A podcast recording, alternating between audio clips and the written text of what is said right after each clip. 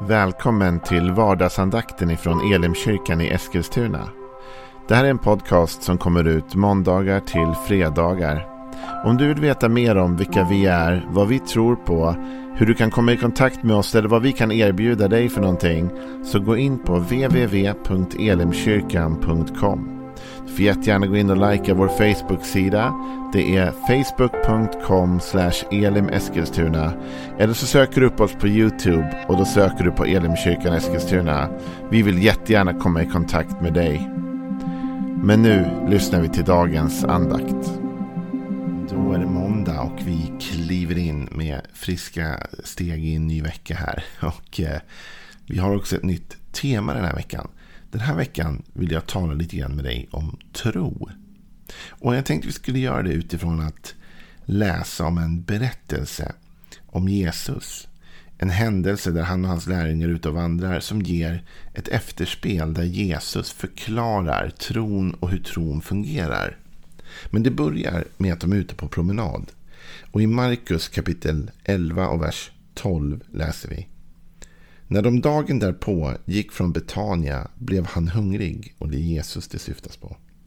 På långt håll såg han ett fikonträd som hade gröna blad och han gick dit för att se om han skulle finna något på det. Men när han kom fram till trädet fann han inget annat än blad, för fikonens tid var inte inne. Jesus sa till trädet, aldrig mer ska någon äta frukt från dig. Och hans lärjungar, de hörde det. Jag gillar ju den här eh, korta berättelsen därför att den beskriver också Jesu mänsklighet på något sätt. Jesus är hungrig. Och han ser på långt håll, står det, så det är en bit att gå. va? På långt håll ser han någonting som han tror ska mätta. Ett träd. Och han går dit och det finns ingen frukt på trädet. Nu kanske han till och med har tagit en omväg liksom, för att komma dit. Och ändå får han ingen frukt. Och han är irriterad, han är trött. Eh, och han förbannar det här trädet. Han säger till det här trädet att aldrig ska någonsin någon äta frukt från det igen. Hans lärjungar hör det. Men det står inte att de säger något om det. Man kan ju undra vad de tänkte, men de sa ingenting. Men det här är ju inte slutet på den här berättelsen. Utan dagen efter så kommer de förbi det där igen. Och då har det hänt saker. Och det är där som samtalet om tro börjar att utspela sig. Och då läser man från Markus 11 och vers 20. När de tidigt nästa morgon gick förbi fikonträdet såg de att det hade vissnat ända från roten. Petrus kom ihåg vad som hade hänt och sa till Jesus Rabbi, se, fikonträdet som du förbannade har vissnat. Jesus svarade dem Ha tro på Gud. Jag säger er sanningen. Om någon säger till det här berget lyft dig och kasta dig i havet och inte tvivlar i sitt hjärta utan tror att det han säger ska ske, då kommer det att ske för honom. Därför säger jag er, allt vad ni ber om och begär, tro att ni har fått det, så ska det bli ert. Och när ni står och ber, så förlåt om ni har något emot någon, då ska också er far i himmelen förlåta er era överträdelser. När de kommer förbi det här trädet Dagen efter så har det vissnat ända från roten. Det är heldött. Och Petrus, han är den som uppmärksammar det och ser det. Och nu kommer han ju ihåg vad som hände dagen innan. Och det gjorde han nog. Det var därför han tjuvtittade kanske undrade. Och så säger han, men ser du mästare, trädet som du förbannade, det har verkligen dött. Och då svarar Jesus med dagens andakt här då. Ni, eller han säger, ha tro på Gud. Ha tro på Gud. Här finns det mycket att säga. För det första finns det en stor skillnad i Petrus agerande här och Jesus. Alltså Jesus, han är ju den som har förbannat fikonträdet.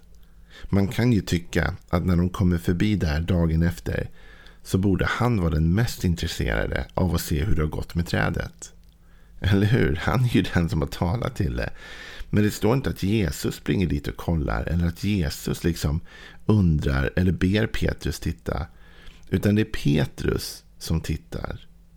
Och man kan undra varför tittar Petrus? Och en anledning till att Petrus tittar är att han är inte övertygad. Han är inte övertygad om att trädet är dött. Han vill veta. Kan det ha funkat? Kan det vara så att det Jesus sa verkligen stämmer? Men i den undran så ryms ju också ett mått av otro. Jesus då, å andra sidan, han behöver inte ens titta på trädet. Han vet och förstår att trädet är dött. Därför han har förbannat trädet. Och that's it. Och när man lever i tro så blir det ju en sån övertygelse. Man behöver inte dubbelkolla. Dubbelkolla, det gör vi ju när vi inte riktigt litar på människor. Eller hur? Det är när man skickar iväg sina barn till skolan och man dubbelkollar att de har packat med gympavägen. Därför egentligen så litar man inte riktigt på att de har gjort det. Eller det är när man har bett sin fru eller sin man att göra någonting. Och sen så känner man ändå ett behov av att dubbelkolla att det verkligen har blivit av. Att det är gjort. Den där dubbelkollen den betyder ju egentligen att vi inte till fullo litar på varandra. Ja, vi kanske litar på varandra till en del. Men det finns också en del av oss som inte riktigt litar. När Petrus kollar på trädet så finns det tro i Petrus. Han tittar ju därför att han tror faktiskt att det kan ha hänt något med trädet. Men han tittar också därför att han tänker att det kanske inte har hänt något med trädet. Det finns alltså både tro och otro där. Men Jesus, han tittar inte. Utan när Petrus kommer och säger, vet du vad? Vet du vad Jesus? Det där trädet som du förbannade, det har verkligen dött. Så säger Jesus, ha tro på Gud. Med andra ord, Petrus, varför sprang du och tittade för? Det räckte väl med att du hörde vad jag sa igår. Jag sa igår att trädet kommer dö. Du borde ha litat på det Petrus. Du hade inte behövt dubbelkolla det Petrus. Så tron är en övertygelse om det vi inte ser, säger Hebreerbrevet. Och det är det Jesus demonstrerar här. Han behövde inte kolla på trädet för att förstå. Det där trädet är dött. För jag talar till det i tro och jag vet att nu är det så. Jesus var ju övertygad om trons förmåga och kraft. Det finns ett tillfälle i Bibeln när Jesu lärjungar har försökt att bota en pojke men de lyckas inte. Och pojkens pappa kommer till Jesus och säger dina lärjungar försökte men det gick inte. Och Jesus blir upprörd och trött. Och så hoppar vi in i den berättelsen.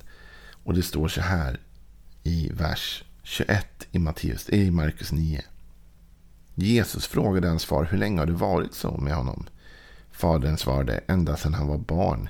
Ofta har den kastat honom i elden och i vattnet för att ta livet av honom. Men om du kan så förbarma dig över oss och hjälp oss. Jesus sa till honom om du kan. Allt är möjligt för den som tror. Och genast ropade barnets far. Jag tror. Hjälp min otro. Och sen så läser man vidare och ser att Jesus botar den här pojken och gör honom frisk. Men ser du Jesu tal? Om jag kan. Allt är möjligt för den som tror. Jesus ger inte tillåtelse åt det där tvivlet att slå rot. Det är klart att alla människor kan känna tvivel. Det är klart att alla människor kan ha tankar. Men vi behöver inte låta det slå rot och vi behöver inte ge det mer utrymme än det behöver. Om du kan. Jesus konfronterar otron. Om du kan. Allt är möjligt för den som tror. Men då är vi tillbaks i en annan viktig aspekt av detta. Tror på vad? Vad var det Jesus sa till Petrus? Ha tro på mig. Ha tro på dig. Du borde trott på det och det. Han säger ha tro på Gud. När vi talar om tro så talar vi inte om att tro på vår egen förmåga. Vi talar inte om att tro på oss själva eller tro på olika saker. Vi talar om att tro på Gud. Tro på Guds förmåga genom oss, visserligen absolut. Men ändå att det är Gud som verkar. Jesus han demonstrerar det här när han står inför ett av sina största mirakel i Bibeln. I det elfte kapitlet av Johannes så läser man om när Lazarus har dött. Lazarus var en vän till Jesus och hans systrar har bett honom komma för att Lazarus är sjuk. Men när Jesus kommer fram så är Lazarus redan död och har legat död i några dagar. Men Jesus han går dit till graven och han säger åt dem att öppna upp graven. Och då läser vi följande i Lukas, nej, Johannes förlåt, 11 och vers 39. Jesus sa ta bort stenen. Den döde syster Marta sa till honom Herre, han luktar redan det är fjärde dagen. Och Jesus sa till henne, har jag inte sagt dig att om du tror ska du få se Guds härlighet? Då tog de bort stenen och Jesus lyfte blicken mot himlen och sa Far, jag prisar dig för att du hör mig. Jag vet att du alltid hör mig. Men jag säger det för folket som står här för att de ska tro att du har sänt mig. När han hade sagt detta ropade han med hög röst Lazarus, kom ut. Och då kom den död ut med fötter och händer inlindade i bindlar och med ansiktet täckt av en stor duk. Och Jesus sa till dem, gör honom fri och låt honom gå. Vet du vad? Jesus har inte tro på sig själv här. Han har tro på Gud. Han står där och han talar till sin fader. Och han gör det högt så att de andra ska höra. Han säger, Fader, jag vet att du redan har hört mig. Så Jesus hade tro på att Gud hörde honom. Han hade tro på att Gud svarade honom. Och han visste redan när han ropade ut Lazarus så var det inte liksom en nu får vi se vad som händer. Utan Jesus visste redan i den stunden vad som skulle hända. Därför han visste att Gud hörde honom och att Gud svarade på hans bön. Så han hade tro på Gud. Han säger ha tro på Gud, sa han till Petrus och lärjungarna. Och här säger han till folket, jag vill bara att ni ska veta att min pappa hör mig. Och jag har tro på honom och på hans förmåga. Och så ropar han ut Lazarus. Det är ju så här att i allt som sker och händer så har ju du och jag såklart också en del och en roll att spela. Det finns tider då du och jag behöver göra sådana här proklamationer i tro. Och vi kommer komma till det under veckan. Det finns tider då vi måste öppna vår mun och tala. Men när vi talar så talar vi inte i tro på oss själva. Utan vi talar i tro på Gud. Det vi talar är ord i tro på Gud och hans förmåga. Tron handlar om att skifta bort blicken från sig själv och sätta den på Gud. Att se bortom sina egna mänskliga begränsningar och svårigheter och se på Guds möjligheter. Det finns en man i Bibeln som verkligen var tvungen att göra det. Han hette Abraham. Han kunde inte få barn. Han och hans fru var ofruktsamma. Och de kände som att de skulle aldrig få något barn. Och sen kommer Gud till Abraham och säger nej Gud, Abraham, du, du ska få en son. Och Abraham måste välja att tro. Han kan inte tro på sig själv, för det är uppenbart att det inte går. Han är gammal och han har försökt hela livet. Det finns ingen chans. Vad tror han då på? Jo, men i Romarbrevet 4 så står det så här i vers 18. Där hoppet var ute hoppades han ändå och trodde och blev så far till många folk som det var sagt. Så ska din avkomma bli. Han vacklade inte i tron när han tänkte på sin döda kropp. Han var omkring hundra år och att Saras moderliv var dött. Han tvivlade inte i otro på Guds löfte utan blev istället starkare i tron och gav Gud äran. Fullt övertygad om att vad Gud har lovat var han också mäktig att hålla. Och därför räknades det honom till rättfärdighet. Det är uppenbart att Abraham inte kan förvänta sig något av sig själv här. Det står att han, hans kropp var död. Han kan inte liksom sexuellt prestera. va? Och Saras modersköte är dött. Det finns, inte, det finns inte på kartan att Abraham ska kunna få ett barn. Men han tvivlar inte för han tänker på Gud. Och han tänker på Guds förmåga och Guds löfte. Om du känner mycket otro i ditt liv så finns det en risk att du tänker för mycket på dig själv och på dina egna begränsningar och på de begränsningar du ser runt omkring dig. Men om du har mycket tro, då har du troligtvis lyft blicken bort från dig själv till Gud och ser på Guds möjligheter. Och de är obegränsade. Så det är när vi tittar på Gud som tron får en möjlighet att växa till.